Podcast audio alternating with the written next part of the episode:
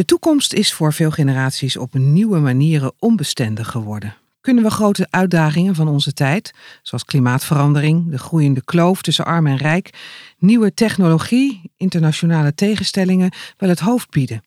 De toekomstige wereld waarin onze kinderen opgroeien wordt onzekerder en onbekender.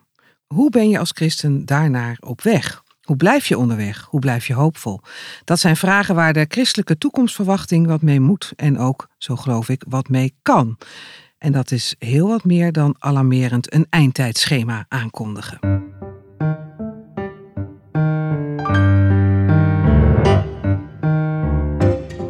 De Theologie-podcast gaat over wat vandaag speelt in kerk en theologie. En de Theologie-podcast wil delen, inspireren en verdiepen. Evert Leeflang is als opleidingscoördinator theologie en docent systematische theologie en hermeneutiek verbonden aan het Evangelisch College. Hij studeerde theologie aan de ETF in Leuven. Evert is getrouwd, woont in Dordrecht. En in 2022 verscheen van zijn hand Tasten naar God, een introductie in de moderne theologie. En nu ligt er God verwachten, een theologie van de toekomst. Hartelijk welkom, Evert. Dankjewel. Was het een uh, roerige tijd, de coronaperiode en het nadenken over de toekomst en de eindtijd? Ja, zeker. Dat was uh, een periode waarin ik was natuurlijk aan het schrijven in die uh, jaren. je voor je gevoel continu elke dag wel in het nieuws aanknopingspunten had om over na te denken. Ja. Dus dat was eigenlijk een, een, steeds een invloed van ideeën en gedachten van, oh, ik wou dat, dat we al met dit boek al naar buiten kunnen komen. Want dat zou mensen wel geholpen hebben hè, in de discussie. Nou, wellicht wel, ja. Ja, ja. Even over jouzelf. Uh, wat is het Evangelisch College en wat doe jij daar? Het Evangelisch College is een uh, interkerkelijk opleidingsinstituut voor volwassenen. En wij bieden allerlei deeltijdopleidingen aan op het gebied van pastoraat, missionair werk, theologie. Uh, we hebben ook een sprekersroute voor mensen die willen gaan preken. En we hebben een brede Bijbelcursus die door heel het land gegeven wordt. Ja. Dus uh, onze doelgroep is uh, van 20 tot 80, heel breed. Uh, en ook uh, wat betreft kerkelijk spectrum kom je van heel behoudend tot heel progressief, kom je eigenlijk van alles tegen. En daar ben ik zelf dan opleidingscoördinator van de theologieopleiding in. En ik geef les bij de verschillende opleidingen. Ja, dat is wel een interessante plek voor een theoloog. Het is ontzettend interessant. ja? ik, ik, ben heel dankbaar en blij dat ik op deze plek ben terechtgekomen. Toen ik zelf theologie studeerde, had ik nog niet meteen een heel duidelijke visie van hier wil ik naartoe. En toen het Evangelisch College langskwam, toen was dat eigenlijk een plek waar ik heel veel in kwijt kon. Wat ik ook gewoon leuk vond om te doen. Mm. Uh, met theologie bezig zijn, met mensen bezig zijn, ideeën verbinden aan praktijken. Dus dat was een omgeving die, uh, waar ik echt in tot leven kwam. Ja, ja, ik kijk er ook blij bij als je het vertelt. Dus uh, dat is mooi. Ja.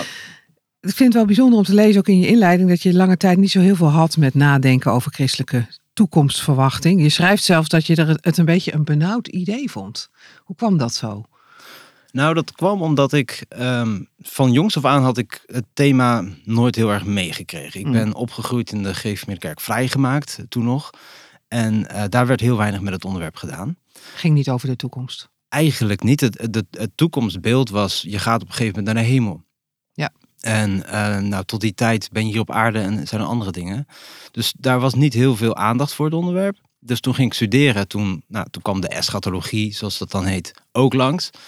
En in die eschatologie ging het dan over heel veel onderwerpen, zoals uh, wat staat er allemaal te gebeuren aan het eind van de tijden, hoe steekt dat in elkaar, welke discussies uh, spelen daar, welke teksten zijn dan belangrijk.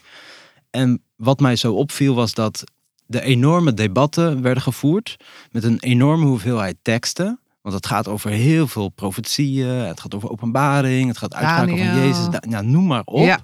En dat worden soms vrij complexe schema's. Heel complex. En um, het viel me zo op dat hier zijn hele grote discussies. Waar, waarvan je als student al denkt: hoe moet ik in vredesnaam hier dan zelf een, een standpunt in vinden? Mhm. Ehm, maar het gaat dan ook nog eens over iets wat de sfeer is van. Als het eenmaal gaat aanbreken, die eindtijd waar we nu over discussiëren. Nou, zet je dan maar schrap. Dus dat, dat hangt niet in een heel positieve, uh, verwachtingsvolle sfeer. Uh, en het ligt dan bovendien ook nog eens vast. Dus dat, dat bij elkaar maakt dat het een ingewikkeld onderwerp is. Het is eigenlijk niet een leuk onderwerp. Het gaat wel op je afkomen. En um, zet je dan uh, maar schrap. En ja, ja dat, dat voelt benauwd. Dat voelt niet als uh, ja, hier, hier kan ik naartoe leven en hier, hier kom ik van tot leven. Nee, en ook dus niet van hier, ik ga me eens even in verdiepen als theoloog. Maar dat is op een gegeven moment wel veranderd, want anders was dit boek er niet geweest. Ja, wat, ja. Wat, wat gebeurde er dan dat je dacht, ik ga toch een boek schrijven over het verwachten van God. En dus onvermijdelijk ook die ingewikkelde schema's Ja. en, en al, die, al die ingewikkelde verhalen rondom die, die eindtijdverwachting. En ook ja, een enorme verdeeldheid daarover ook. Hè? Dus wat, wat maakte nou dat je toch dacht, oké, ik moet er wel mee aan de slag? Nou, het begon allemaal met een opdracht van eh, het Evangelisch College. Ga nou eens even een eh, materiaal schrijven voor onze studenten eschatologie. Hm. Dat we in elk geval een beetje overzicht hebben in dat eh, oerwoud aan ideeën. Dus dat ben ik toen gaan doen. En toen ik daarmee bezig was, ontdekte ik manieren van benaderen van het onderwerp. Die mij veel meer aanspreken spraken. En waarvan ik dacht, hé, hey, dit is eh, waar ik het voor zou willen doen eigenlijk. Ehm, en wat me opviel was dat dat eigenlijk zelden de gesprekken bereikte die je had over het onderwerp. Hmm. Eh, dus dat waren ideeën die gingen veel meer over de betekenisvolheid van verwachting in het leven van dag tot dag. Ehm, eh, dat ging ook, dat kwam eigenlijk ook eh, ehm, in het gesprek, of dat daar werd over geschreven, wanneer het ging over de bijbelse verwachting door de eeuwen heen met het volk van God, dat onderweg is samen met God. eh, dat het in allerlei spanningsvelden terechtkomt en onderweg moet blijven met God, een toekomst heeft, maar daar niet altijd komt en daarmee worstelt, of soms het wel bereikt en het dan viert. Maar toen begon er ineens een, een, een, een sfeer te hangen in het onderwerp. En ik dacht, hé, hey, dit, Ja. dit spreekt aan. Ja, Alleen, waar lees ik dit eigenlijk? En, en niemand vertelt me dit. Het gaat altijd over die andere dingen. En dus, eigenlijk zou je, zou je kunnen zeggen, dat is misschien een beetje grote stappenstel thuis, maar de toekomst die nu er al is, dat je het daarover wilde hebben. En niet een soort, ja, toch wat enge verwachting die nog ver uitstaat. Ja, misschien zou je het precies kunnen zeggen door te zeggen... de toekomst die zich nu al laat gelden. Ja. Het maakt, eh, de toekomst maakt gewoon nogal veel uit... in eh, welk licht jouw huidige leven komt te staan. Ja. Eh, en, en die dynamiek opzoeken... ehm, dat vind ik een, eh, vond ik een boek waard, zeg maar. Ja. Ik, eh, dit, zou ik, dit kan ik met enthousiasme brengen, volgens mij. Nou, dat doe je ook zeker. Ehm, dan kan ik me voorstellen dat je denkt, oké, al die mensen die daar nu uitspraken over doen, over die toekomst en de eindtijd, die moeten eerst dit boek maar eens lezen, voordat ze verder praten. Is dat het idee? Dat je denkt van, hé, hey, jongens, ga eens even zo kijken. Of, of, of wat, wat, wat, wat zou je graag willen dat het boek uitwerkt? Ik zou heel graag willen dat. eh dat boek is niet ingestoken om heel erg de, de confrontatie te zoeken met allerlei posities. Niet te zeggen van, jullie hebben het fout of jullie... Nee, ik zou het veel liever willen brengen in de sfeer van laten we dit ehm, onderwerp verrijken. Door in elk geval deze dimensie ook te betrekken. Ehm, er is een mooie eh, zin van Jurgen Moltmann, bekende theoloog, eh, die ook binnen dit onderwerp schrijft. En die heeft het over eschatologie draait niet alleen om de hoop waarop we hopen, maar ook de hoop waarmee we hopen. En ehm, dat is een aanvullend idee. Vaak gaat het over wat er allemaal komt.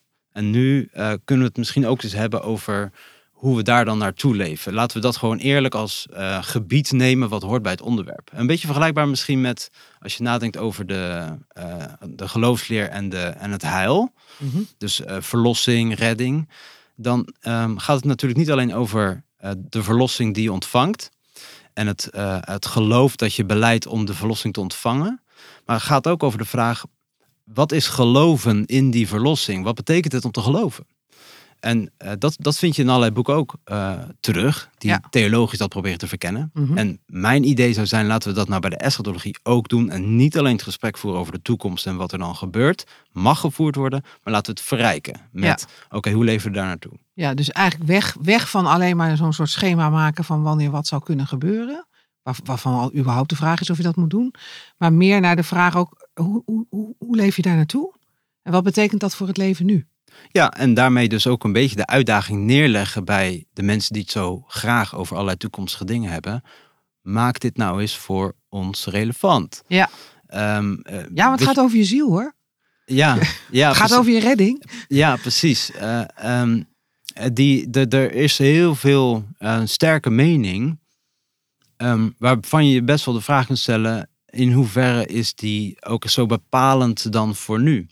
Ik stel die vraag ook eens aan mensen. Oké, jij gelooft dus dat binnenkort dit gaat Ja, gebeuren en dan ja, dat. ja. Wat maakt het eigenlijk voor mij uit of ik dat nou wel of niet aanvaard? En dan, dan blijkt het vaak heel lastig om dat praktisch te maken in mijn huidige leven. Mm. Maar nou, dat vind ik wel een uitdaging die je bij mensen mag neerleggen. Ja, dat is eigenlijk wel een mooie vraag. Van wat betekent dat voor je leven nu? ja. schema. Ja. ja. Ja, Moet je dan ook niks hebben van uh, al die Amerikaanse romans? Waarin precies volgens bepaalde profetieën de, de, de, eindtijd zich ontrolt. Ik heb ze ooit allemaal gelezen, zal ik maar eerlijk bekennen. Ja, ik vond het wel spannende verhalen. Maar... Je bent ook lang niet de enige. Die zijn natuurlijk razend populair geweest. Ja, ja. ja kijk, eh, romans eh, die, die, die zijn natuurlijk vrij in die zin om allerlei dingen te verkennen. Maar er zit natuurlijk wel een, een verhaal onder, een gevoel onder van wij kunnen de bijbelse gegevens omzetten tot toekomstige scenario's. Ja. En dat een beetje gaan invullen. Nou, Daarvan vraag ik mij af of we dan ook wel met de teksten bezig zijn op de manier zoals ze gelezen willen worden. Ja, precies. Nee hoor, dat begrijp ik voorkomen. Ik heb ze trouwens ook op een gegeven moment naar de kringloop gedaan. Oké, ja. ja dat wel gelezen, maar ja, nu is het ook wel weer genoeg. Even over, we gaan je boek zo uitgebreid bespreken, maar uh, Johannes de Doper komt er nog wel eens in voor. Ja. Dat vind ik wel mooi, want dat is ook een mooie, mooie figuur. Ook in, uh, in de 40 dagen tijd waarin we nu zitten, komt hij natuurlijk in, in een van de eerste zondagen voorbij. Uh, wat heeft hij te maken met nadenken over christelijke toekomstverwachting? Johannes de Doper vind ik echt een boeiend figuur, omdat het een grensfiguur is.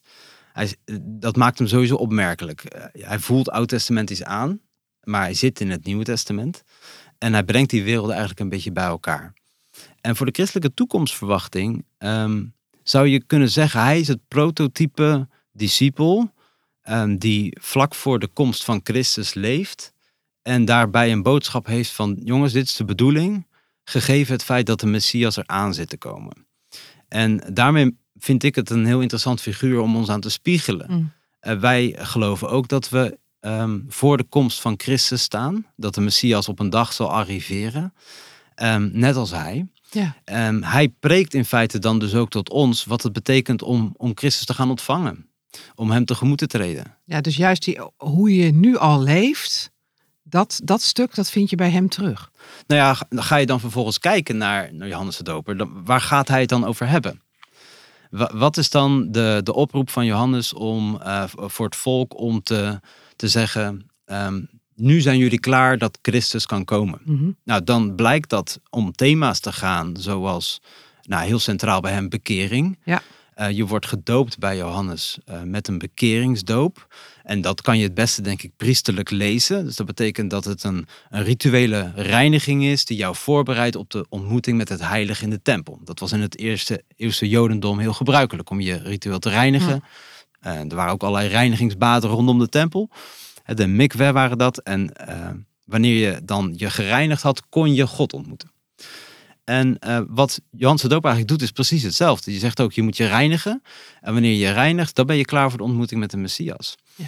Dus uh, als het dan gaat om, uh, wat, wat zou Johannes de Doper in onze tijd tegen ons zeggen, als we zeggen, nou laten we Christus verwachten en klaar zijn voor zijn komst, mm -hmm. ja, dan komt dat thema van bekering, van uh, gereed worden door reiniging, komt in elk geval ook bovendrijven, ja, denk ik. Ja, ja.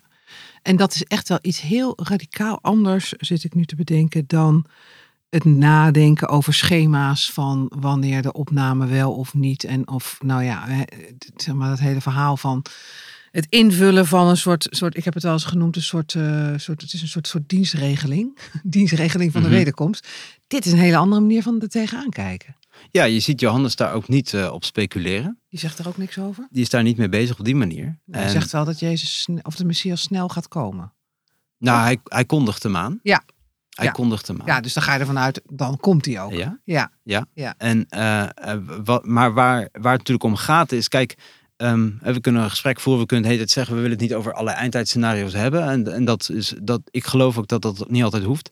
Waar het uiteindelijk in besloten wordt of we het wel of niet over eindzijdscenario's hebben, is de vraag of de teksten het natuurlijk over hebben ook. Ja. En uh, dus het is niet alleen maar, we hebben gewoon geen zin om moeilijk te doen over toekomstige scenario's. Want dat vinden we gewoon onprettig of daar hebben we een allergie voor gekregen vanwege ervaringen vroeger. Mm. En dat, dat, uh, dat is allemaal te begrijpen, maar waar het uiteindelijk in besloten wordt is, als Paulus, als uh, Johannes, als openbaring het heeft over bepaalde dingen, heeft het het dan eigenlijk over een eindtijdschema. Ja. En als het niet zo is, dan moeten we natuurlijk ook daar niet mee bezig zijn. Als het wel zo is, wel. Ja, is het, want als je inderdaad op die manier wel denkt, dan spreken ook heel veel teksten dat. Hè? Dat is natuurlijk het ingewikkelde van de Bijbel. Ja. Je kan het ook horen zoals je het zelf wil horen. En dat doen we natuurlijk al allemaal tot op zekere hoogte. Uh, zou jij kunnen zeggen dat er veel minder teksten over die expliciete eindtijdsverwachting spreken dan, dan wel wordt gezegd? Ik zou in elk geval zeggen dat um, er zijn heel veel teksten die, die met toekomst bezig zijn. Mhm. Maar die zijn dan nooit in, het, uh, in een soort isolement van het heden. Dus wanneer een, uh, een openbaring of een Daniel of een profeet spreekt over toekomstige dingen, dan is dat altijd met het oog op de doelgroep die voor hem staat. Ja. En dus zal er altijd een verbinding moeten zijn met datgene wat uh, besproken wordt, wat aangekondigd wordt, en, dat, en degene die het horen. En dat ze daar wat mee kunnen en wat mee moeten. En dus um, zou ik zeggen, er zijn heel weinig teksten die gewoon puur zeggen: jongens, er zijn ook nog gewoon dingen die aan het eind van de tijd gebeuren. Nee. Dat is eigenlijk alleen relevant voor die generatie die het dan gaat meemaken, want de rest van jullie is allemaal dood. Um, en, um, dat horen we dat eigenlijk niet. Ja, dat is dan even, dat, dat, dat hoort ook in de Bijbel, maar dat, ja, dat is eigenlijk maar voor een heel selecte groep in de geschiedenis. Ja. Daar geloof ik niet in. Nee, ik, nee. Als ik denk aan de Bijbel, dan denk ik aan dat is openbaring van God. En openbaring van God, die moet je altijd, geloof ik, lezen in het licht van de intenties die God met die openbaring heeft. En er zitten altijd intenties bij voor de. Um, er is een mooie tekst in, in Deuteronomium 29, daar staat. De verborgen dingen zijn voor God en de geopenbaarde dingen zijn voor de mensen, opdat zij deze hele wet volbrengen. Dus wat God openbaart, dat is altijd met de intentie dat zij dan ook voor zijn aangezicht kunnen leven. Dus je kunt serieus de vraag stellen: openbaart God dingen die wij niet kunnen gebruiken voor ons leven? Nee. En dat denk ik volgens mij is dat een criterium die we soms wat scherper moeten inzetten, ook als het gaat om de toekomst. Er Ja. wordt niet een toekomst geopenbaard, geïsoleerd van een functie in het heden. Nee, en dus ook niet die, die openbaring heeft altijd verbinding met het heden, zeg jij. Het is niet een soort scenario voor over tien generaties of zo. Of waar, waar wij helemaal niets meer mee te maken hebben. Nee. Het staat niet los daarvan. Nee. Ehm, je opzet van je boek is interessant, eh, sowieso hoor. Maar ook omdat jij eh, een aantal werkwoorden gebruikt. Hm. eh, die te maken hebben met die toekomst. En dat zijn profiteren, hopen, zuchten, dulden, waken, voorbereiden. Ja. Ja, waarom heb je daarvoor gekozen, voor zo'n indeling? Nou, waar ik over aan het nadenken was bij het schrijven van dit boek, was: ehm, oké, ik zou heel graag het willen hebben over de toekomst. De betekenis van die toekomst voor het heden willen duiden. En dus het gaan hebben over verwachten als een activiteit en niet als een toekomstplaatje. Hm. En toen ik dacht: oké, wat is dan een manier om dat ehm, ja, op, eh, recht te doen? Want je kunt op zoveel manieren naar de toekomst toeleven. Dat is niet één manier van doen. Vaak wordt hoop natuurlijk naar voren geschoven als een bekend werkwoord. Maar er is veel meer. Hoe ga ik dat invulling geven? Laat ik kiezen voor een selectie van werkwoorden. Hm. En die werkwoorden die geven dan een dynamiek aan het verhaal. Want het is een activiteit. Dus je hebt niet alleen een hoop, maar je bent aan het hopen. En dat dwingt je ook de vraag te stellen: wat doe ik dan als ik aan het hopen ben? Um, uh, dus dus dat, dat, dat idee van een werkwoord helpt je om het, het naar de praktijk toe te trekken. Um, en wat ik vervolgens heb gedaan, is ik heb gezegd, die werkwoorden, laat ik die nou eens in, in gesprek brengen, ook met een toekomstig, um, uh, toekomstige daad van God die hij belooft te zullen gaan doen. Uh, en dan, dan leun ik op de, de bekende toekomstige daden die God aankondigt. En waar de kerk van alle eeuwen en alle plaatsen ook van heeft beleden dat ze er zullen komen. Mm. Dus dan hebben we het over een wederkomst, een laatste oordeel, een opstanding der doden enzovoort. Mm -hmm. um, laat ik nou steeds zo'n element pakken en dat koppelen aan zo'n werkwoord.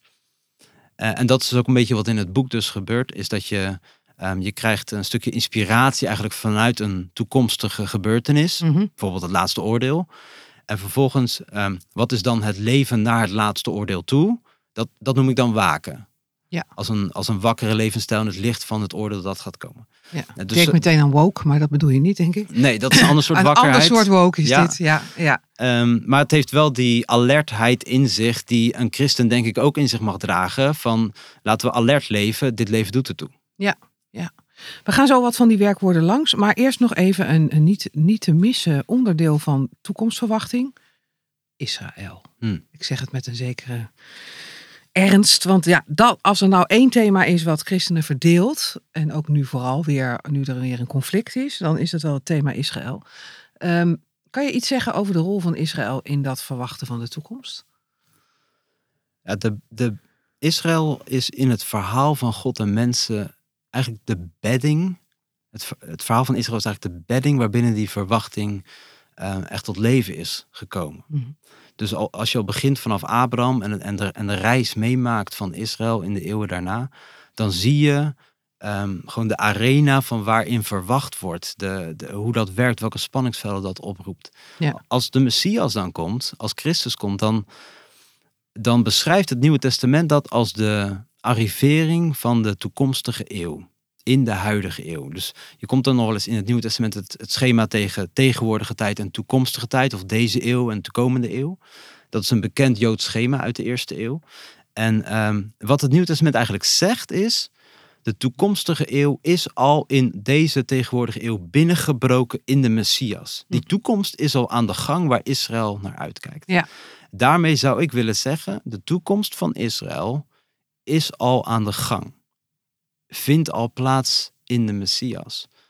En dus wat wordt dan de rol van Israël? De rol van Israël wordt aansluiten bij de Messias om onderdeel te worden van haar eigen toekomst. Want die hm. heeft de Messias als als eh, zeg maar, de, het centrum van waar het in Israël om draait. Hij vertegenwoordigt Israël.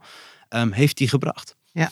En dus zie je in het Nieuwe Testament, vanaf handelingen, um, Joden sluiten aan bij de Messias, komen in de Messias, zoals Paulus dat dan zegt. Ja. En vinden daardoor in hun leven die krachten van de toekomende eeuw een uh, soort van gerealiseerd worden. Uh, en dus ze zien um, de, de profeten die uitkeken naar de komst van de Heilige Geest, uh, een, een besnijdenis van het hart, um, het, het, inwonen van God in de mensen, in een nieuwe geestelijke tempel, zien zij allemaal in hun midden plaatsvinden. Mm. En, en het, het wonderlijke is dat die geschiedenis gaat dus zo in het Nieuw Testament door, dat daar ineens dan ook uh, het wonder is dat de heidenen mogen toetreden tot die gemeenschap rondom de Messias. Dat het veel groter wordt. En dat dus de toekomst van Israël blijkt ook toekomst te zijn voor de heidenen. Ja, ja en dan, maar wat, wat natuurlijk het probleem oplevert in deze tijd is um, nou ja, ten eerste dat de huidige staat Israël door sommige gelovigen meteen uh, wordt gezien als het, oude, als het Israël uit de Bijbel, waar, natuurlijk al vragen bij te stellen zijn. En dat heel veel gebeurtenissen rondom Israël dan ook meteen weer uh, ja, eschatologisch geduid worden. Hè? Conflicten. Als ik jou zo hoor, is dat niet zo terecht dat dat gebeurt. Nou, wat ik zie is dat de, Bijbel zoekt om de, uh, de toekomst die Israël is aangekondigd, um, samenhang te geven rondom de Messias. Hm. En dus de profetieën die vooruitwijzen vanuit het Oude Testament worden heel vrij en heel direct betrokken op Christus en de gemeenschap die rondom Christus ontstaat.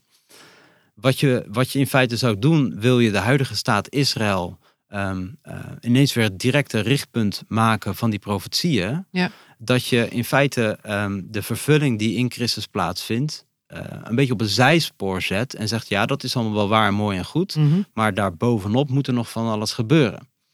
Um, de vraag die bij mij dan opkomt is, Paulus zegt in 2 Korinthe 1, hoeveel beloften er ook zijn, in, in Christus zijn ze ja. ja. En die, die, die lijkt juist in zijn brieven veel meer eraan te hechten om altijd christologisch en pneumatologisch uh, te denken als het gaat ook om de toe-eigening van het Oude Testament. Ja. En dat zou ook wel mijn, uh, mijn voorkeur zijn als ik dan denk aan wat voor toekomsten zijn er voor het volk. Die toekomst is in de Messias te vinden en door de geest. Ja. En um, wat, het, wat dat betekent, dat zien we al plaatsvinden in het Nieuwe Testament. Uh, dus het Nieuwe Testament begint gewoon met Israël daar is nog geen heiden te bekennen in de eerste hoofdstukken van de nee, Handelingen. En daar gaan ook de discussies over. Mogen die heidenen er wel bij horen? Wat voor gebruiken moeten ze ja, overnemen? Precies, dat was een wereldschokkend ja. uh, moment. Ja. Um, maar het begint al dus gewoon met een, uh, een groep Joden die aansluiten bij de Messias. Waarvan zij zelf zeggen, wij, wij zijn de voortzetting van de beloften die aan de ouderen zijn gedaan. En die nu door de Messias tot ons zijn gekomen. Ja, dus eigenlijk geen breuk, maar een voortzetting. Ja, precies. ja, ja. ja. Ja, tussentijd, dat is ook een begrip wat jij noemt. En dat vind ik ook een mooi begrip, maar kan je nog eens uitleggen wat je daarmee bedoelt? De tussentijd, ehm, even heel simpel gezegd, je hebt de eerste komst van Christus, je hebt de tweede komst van Christus. En daartussenin is tijd. En wat, eh, hoe moet je in die tijd leven? Uh, wat, is de, wat is de bedoeling van die tijd? Dat, dat is wat ik tussentijd noem. Ja, en dat is de tijd waarin wij nu leven. Ja, en ik zou eigenlijk een synoniem willen maken, dat is in feite eindtijd. Dus als ik spreek over eindtijd, dan is dat tijd dat in het licht staat van het einde. Dat is heel breed. Dat zijn dus niet een paar jaar aan het eind, maar dat is een heel breed. Het kan ook eeuwen duren dus. Kan, het duurt al eeuwen. Het duurt al eeuwen, ja. Precies. Ja. En uh, tussentijd en eindtijd overlappen. Want uh, alles wat er sinds de eerste komst van Christus uh, aan tijd nog is, staat in het licht van zijn tweede komst. Ja, ja oké. dus dat is een heel helder begrip.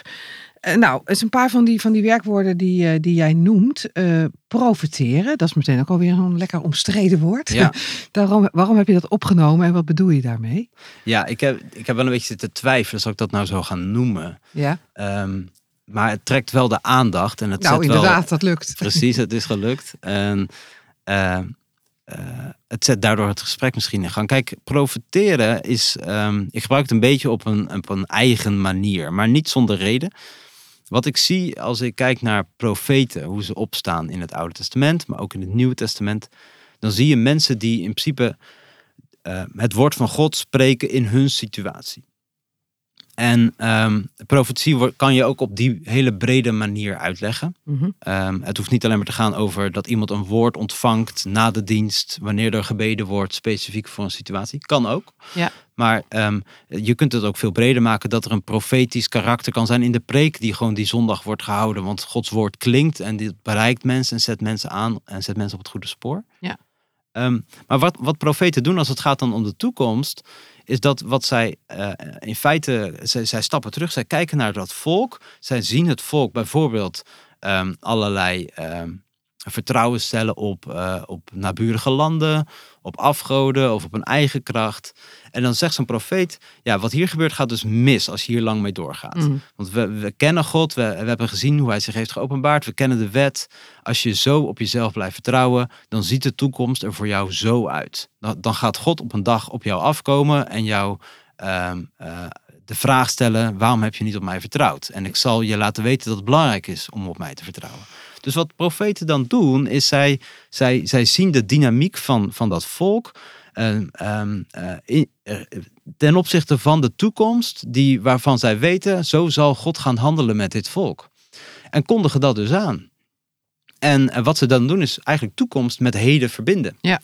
Uh, ook in, uh, in, juist in een positieve zin. Dus het volk zit helemaal uh, te sikkeneur in de ballingschap. Want het is helemaal mis. Tempel weg, land weg. We zijn hier... Komen hier nooit meer uit. Precies, God heeft ons verlaten. Is er nog perspectief voor ons? En dan brengen de profeten juist een boodschap van hoop in. Van jongens, dit, dit is een God die vanuit niks iets nieuws kan doen. Hij is de schepper van de hemel en aarde. Dus uit jouw nacht, jouw nachtmerrie, jouw, jouw leegte waar je nu in zit, kan God iets nieuws maken. Mm. En wat, wat de profeet dan doet, is opnieuw een toekomst schetsen. En, en, en, zeggen, dit mag jou in beweging zetten, dit mag jou hoopvol maken, dit mag je doen vertrouwen dat God uiteindelijk toch met jou doorgaat. Dus um, vooral blijf niet uh, um, alleen maar um, in, ja, in, de misère nee, zitten. Aan die rivieren van Babel. Precies. Wie zijn de huidige profeten? Nou, als ik denk aan wat zijn dan mensen die ons een toekomst schetsen uh, en ons stilzetten bij dus het belang van verandering van onze levensstijl of uh, juist hoopvol leven dan vind ik bijvoorbeeld um, de, de, de aanbiddingsleiders in de kerk een voorbeeld van een profeet. Nou, ik had gedacht, je gaat vast klimaatactivisten ja, noemen. Natuurlijk, ja, Maar nee, aanbiddingsleiders in de ik kerk. Dacht, laat ik nou een andere categorie ja, eens kiezen. Ja, ja. wat um, bedoel je daarmee dan? Waarom zijn dat profeten? Dat zijn toch gewoon mensen die ons helpen in de mooie muziek? Die helpen ons doordat zij, wat een aanbiddingsleider bijvoorbeeld doet, is dat um, God heeft iets gedaan in het verleden of in de gemeenschap. En een aanbiddingsleider die, die, die, die zoekt naar taal en muziek. Uh, of die ontvangt het al als het lied al geschreven is. En brengt dat in de gemeente. En zegt laten we nou uh, eens ons oriënteren op wie God is en wat God heeft gedaan. Dus, dus een, een aanbiddingsleider schetst ons voor ogen de God waarmee we naar de toekomst op weg zijn. Mm. En wat een aanbiddingsdienst dan kan doen is hoop brengen in harten. He, je komt de dienst binnen Um, je, je gezin is een puinhoop, want er zijn allerlei crises die, die daar aan de gang zijn. Je vraagt je af, komt het ooit nog goed? Dan kom je de dienst binnen en dan is er een zangleider die zegt, laten we ons op God richten. Dit is de God waarmee wij mogen leven, waarmee wij onderweg zijn. En, uh, en je, je, je ontvangt dan een hoopvol perspectief waarmee je naar huis kan gaan. En, en de moed weer hebt gevonden voor die week erna. Dat vind ik een hele duidelijke profetische rol in ja. feite. En zit het ook nog breder in de samenleving? Ik weet dat er ook in deze tijd ook echt een zoeken is hè, naar moderne profeten. Er is ook een podcast over, een boek over. Dus blijkbaar is dat ook belangrijk. Uh, zie je ze ook op andere plekken nog? Ja, ik denk dat ehm, eh, bijvoorbeeld uh, artiesten en kunstenaars ons ook echt kunnen stilzetten bij problemen die, die bijvoorbeeld aan de gang zijn in onze samenleving en, en de vinger daarop leggen. Um, dat is natuurlijk ook profetisch. Hey, jongens, deze manier van samenleving zijn heeft geen toekomst. En ehm, nou, ik hoef niet specifiek namen te noemen, maar er zijn genoeg mensen die zeggen onze huidige individualistische levensstijl, uh, onze manier van denken over economische groei, uh, dat is gewoon niet houdbaar op de lange termijn. Daarmee um, desintegreert eigenlijk een stukje samenleving. We worden allemaal kleine eilandjes. En bovendien overvragen we onszelf en de aarde. Uh, dit perspectief, dit houden we misschien 20, 30 jaar vol en dan is het gewoon klaar. Nou, dat is natuurlijk ook gewoon heel profetisch. deze weg, eh, dit loopt dood. Ja, want dat zeiden de profeten in het Oude Testament ook. Dit is wat dood loopt. Je noemde het woord hoop ook al. En dat is ook wel eh, een belangrijk onderdeel van jouw eh, boek. Misschien wel het langste hoofdstuk. Nou. Maar je begint dat hoofdstuk met karikaturen van de hoop. Die zijn er dus blijkbaar ook. Ja. Wat zijn nou karikaturen van de hoop? Ik denk dat er best wel verschillende zijn. Ik noem er ook een aantal.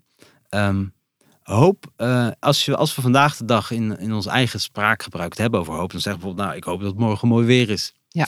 En wat je dan eigenlijk zegt is, ik wil graag dat het morgen mooi weer is, maar ik weet niet zeker of het gaat gebeuren. Ja. Dus daar, daar bouw je een element in van, van onzekerheid. Ja, um, hopen maar. Um, en je bouwt iets in van, het begint bij je eigen wensen. Ja, ik hoop het, zeg maar. Waarom? Omdat ik het wil. Ja, omdat ik graag wil gaan picknicken of zo. Ja, precies. Dus uh, dat, dat zijn uitgangspunten die uh, anders werken dan in de Bijbelse hoop. Want de Bijbelse hoop die spreekt juist van, uh, bij hoop over een, een vastigheid die het geeft aan het leven. Het is niet een onzekere verwachting. Maar het is juist beginnen bij wat, wat God heeft gedaan en wie God is. En vanuit daar de zekerheid vinden dat deze God met je onderweg is naar de toekomst. Dus het, het begint met stabiliteit. Uh, lees Romeinen 5, het begin, daar gaat het ook over hoop. En, en al die woorden in, in die versen draaien om zekerheid, gaan staan. Um, des te zekerder is het dat. Uh, allemaal op wat God in Christus heeft gedaan. Dus dat, dat biedt een soort van, um, uh, ja, als je, als je hoop misschien als een houding ook kan uitdrukken, dan, dan zie je iemand met twee benen op de grond staan, handen in de zij, vooruit kijken. Want deze God, die gaat met me mee. Dus dat is heel, heel zeker. Ja. Die ehm, twijfel is daar dus niet. En het is niet een product van ons eigen verlangen. Waar wij op hopen is niet dat, nou, dat wij nou even dat paradijs eindelijk krijgen en dat dat helemaal zo ingevuld is naar onze wensen en onze idealen. Zou wel leuk zijn trouwens. uiteindelijk niet. oh, oké. Uiteindelijk niet. Dat denken we namelijk. Ja. We denken als we het allemaal zelf inrichten, dan wordt dat echt helemaal feest. En uh, God heeft ook ideeën en dan moeten we een compromis sluiten. Maar uiteindelijk, God weet het echt beter, denk ik. En eh, de hoop die hij biedt, die is uiteindelijk iets wat we echt willen. We, hebben we weten alleen nog niet altijd wat we willen. Maar waar het om gaat is, de Bijbelse hoop die zegt, oriënteer je nou op datgene wat, uh, wie God is in de toekomst. En dat is heel wat anders dan uh, het product van mijn eigen wensen. En zo kunnen we wel hoopvol, we kunnen wel over hoop praten in de gemeente. Als feiten van, God die wil dat jij hoopvol bent. En dat betekent vooral dat je heel hard maakt voor je eigen idealen in je leven. Jezelf ontplooit. Um, de, de persoon wordt die je wilt te zijn. Wat, wat die taal, die, als we die niet voldoende corrigeren, wordt gewoon een projectie van ons eigen verlangen op de mm, toekomst. Mm. En daarmee doe je geen recht aan, aan wat God ons wil schenken, zeg je eigenlijk. Nou, die komt wel een beetje in de verdrukking. In de verdrukking. Ja. En uh, wat er ook gebeurt, is dat we met onze idealen um, misschien onszelf ook wel overschreeuwen. En um, dan, als dan de toekomst arriveert, dat we die niet goed aankunnen. Omdat het anders eruit ziet dan we hadden gedacht. Ja, dus neem een eerste eeuwse Jood, die, die verwachtte Messias. Dat ze allemaal in die tijd. Die hadden mm ideeën over hoe de, de, Messias moest zijn. Ja. Namelijk graag iemand die al die Romeinen het land uitknikken. Ja, zo snel mogelijk. Ja, eh, dat is heel logisch. Komt dan uiteindelijk die Messias die Christus is... en hij blijkt niet de Romeinen uit het land te werken... dan, dan, dan heb je een probleem. Want dan bots je dus met, uh, met je eigen hoop. Ja. En als je dan niet kan loslaten, dan, dan duw je dus de Messias weg. En dat gebeurt ook precies. Ja, precies. En ik vind het ook altijd fascinerend hoe lang het duurt voordat de discipelen doorhebben wie Jezus echt is. Hè? Ja. Dat, omdat ze zelf ook dat beeld van, ja, die Messias, dat is degene die uh, de Romeinen eruit gooit. Precies, dus er moet een enorme correctie ja, plaatsvinden. Het duurt, duurt even voordat ze dat uh, beseffen. Jij verbindt ook in elk hoofdstuk, uh, dat zei je zelf ook al, een, een, een, gebeurtenis of een toekomstige gebeurtenis uit, de Bijbel aan dat werkwoord. Wat is dat bij de hoop? Is dat de opstanding?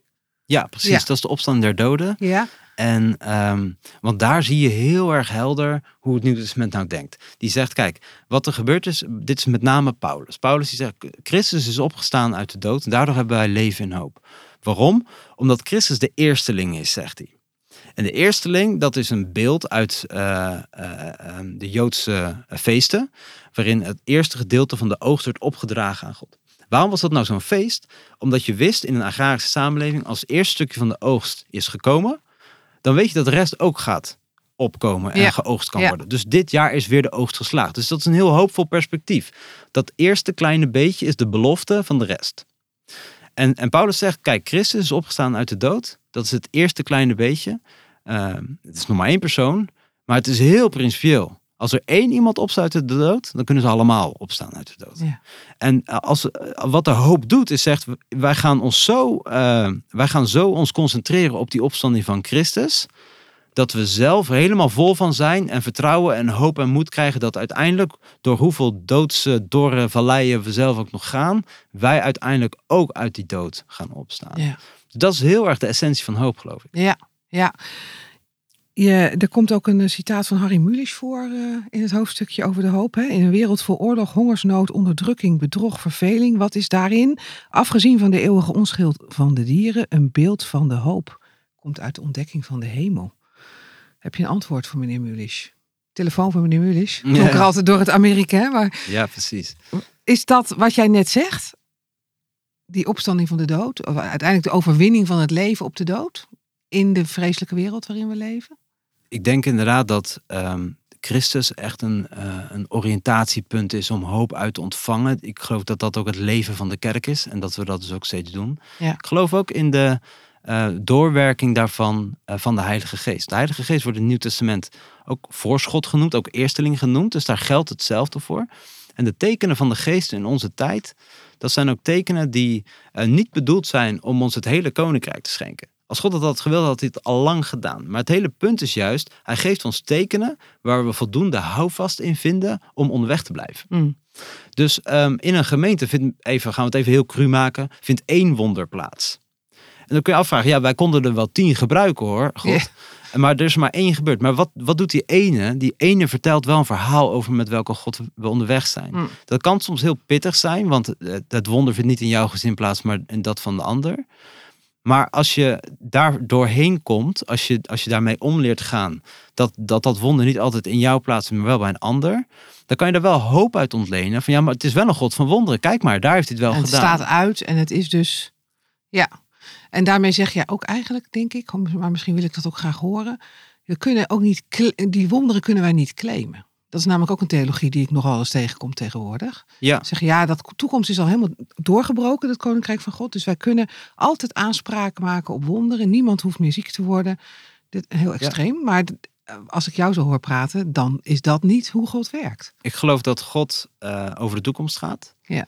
Ook al is Christus opgestaan uit de dood, Christus heeft niet ge, alle gezag overgeleverd in onze handen. Hij heeft hem zelf gehouden. Mij is gegeven alle macht in hemel en op aarde. Ja. Dus het blijft in Christus handen. En alles claimen van de toekomst is de toekomst uit de handen van God grissen en het zelf willen realiseren. Nou, dat, dat, is denk ik juist een klassieke vraag. Dat is vrij duidelijk, ja, ja. precies.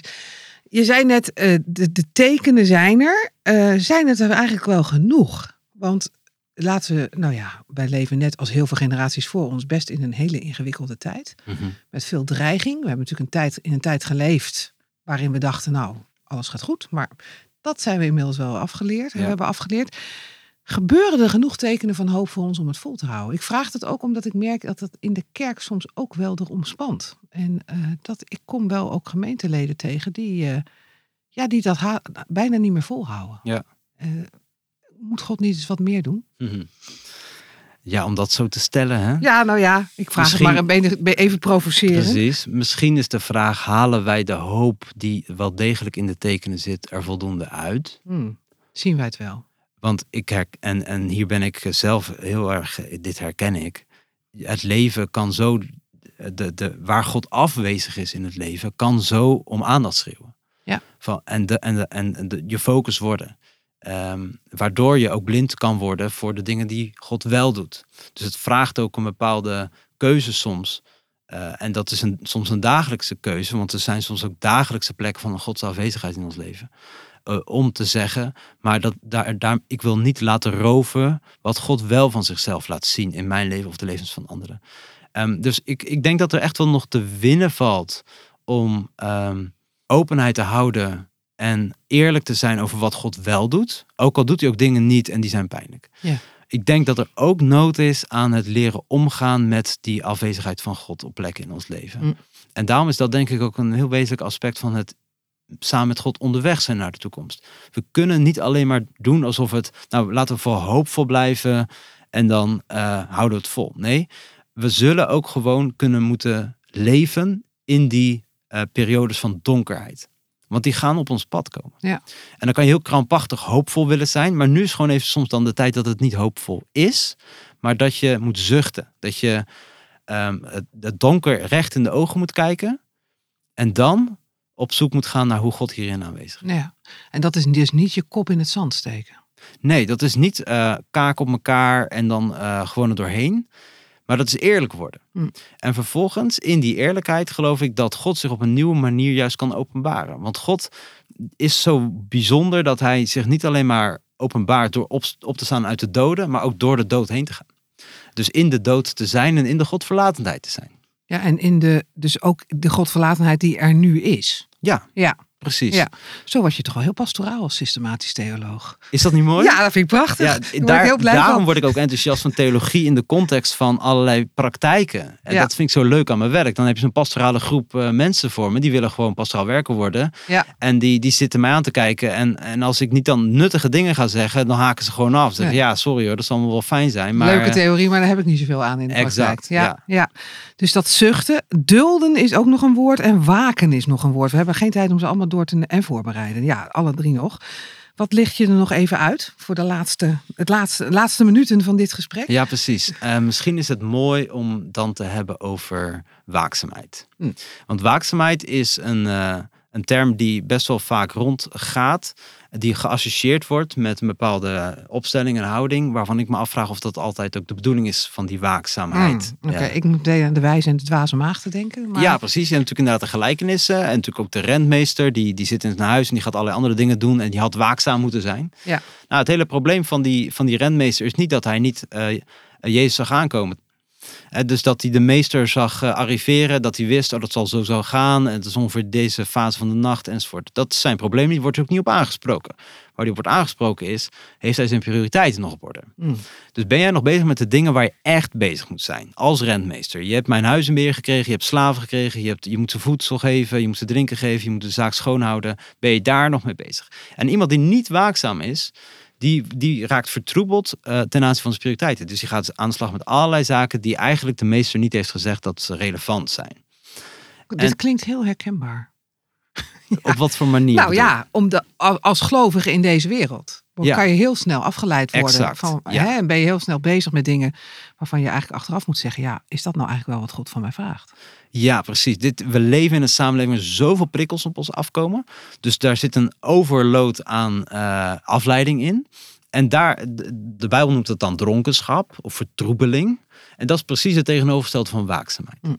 Dus dat die scherpte in het leven brengen, dat is denk ik een, eh, een hele wezenlijke oproep. Maar het draait dus niet om herkennen van allerlei tekenen. Dus Want van, dat oh, is ook hoe het uitgelegd werd altijd. ik volg het nieuws in het Midden-Oosten. En dat is mijn waakzame levensstijl, want dan kan ik daarna Jesaja daarna leggen. Ja, en dan zeg ik precies: dit, deze gebeurtenis staat in Jezaja zoveel. Ja, en dat is een waakzaamheid die juist misschien afleidt, omdat je bent zo bezig met nieuws op allerlei terreinen in de wereld.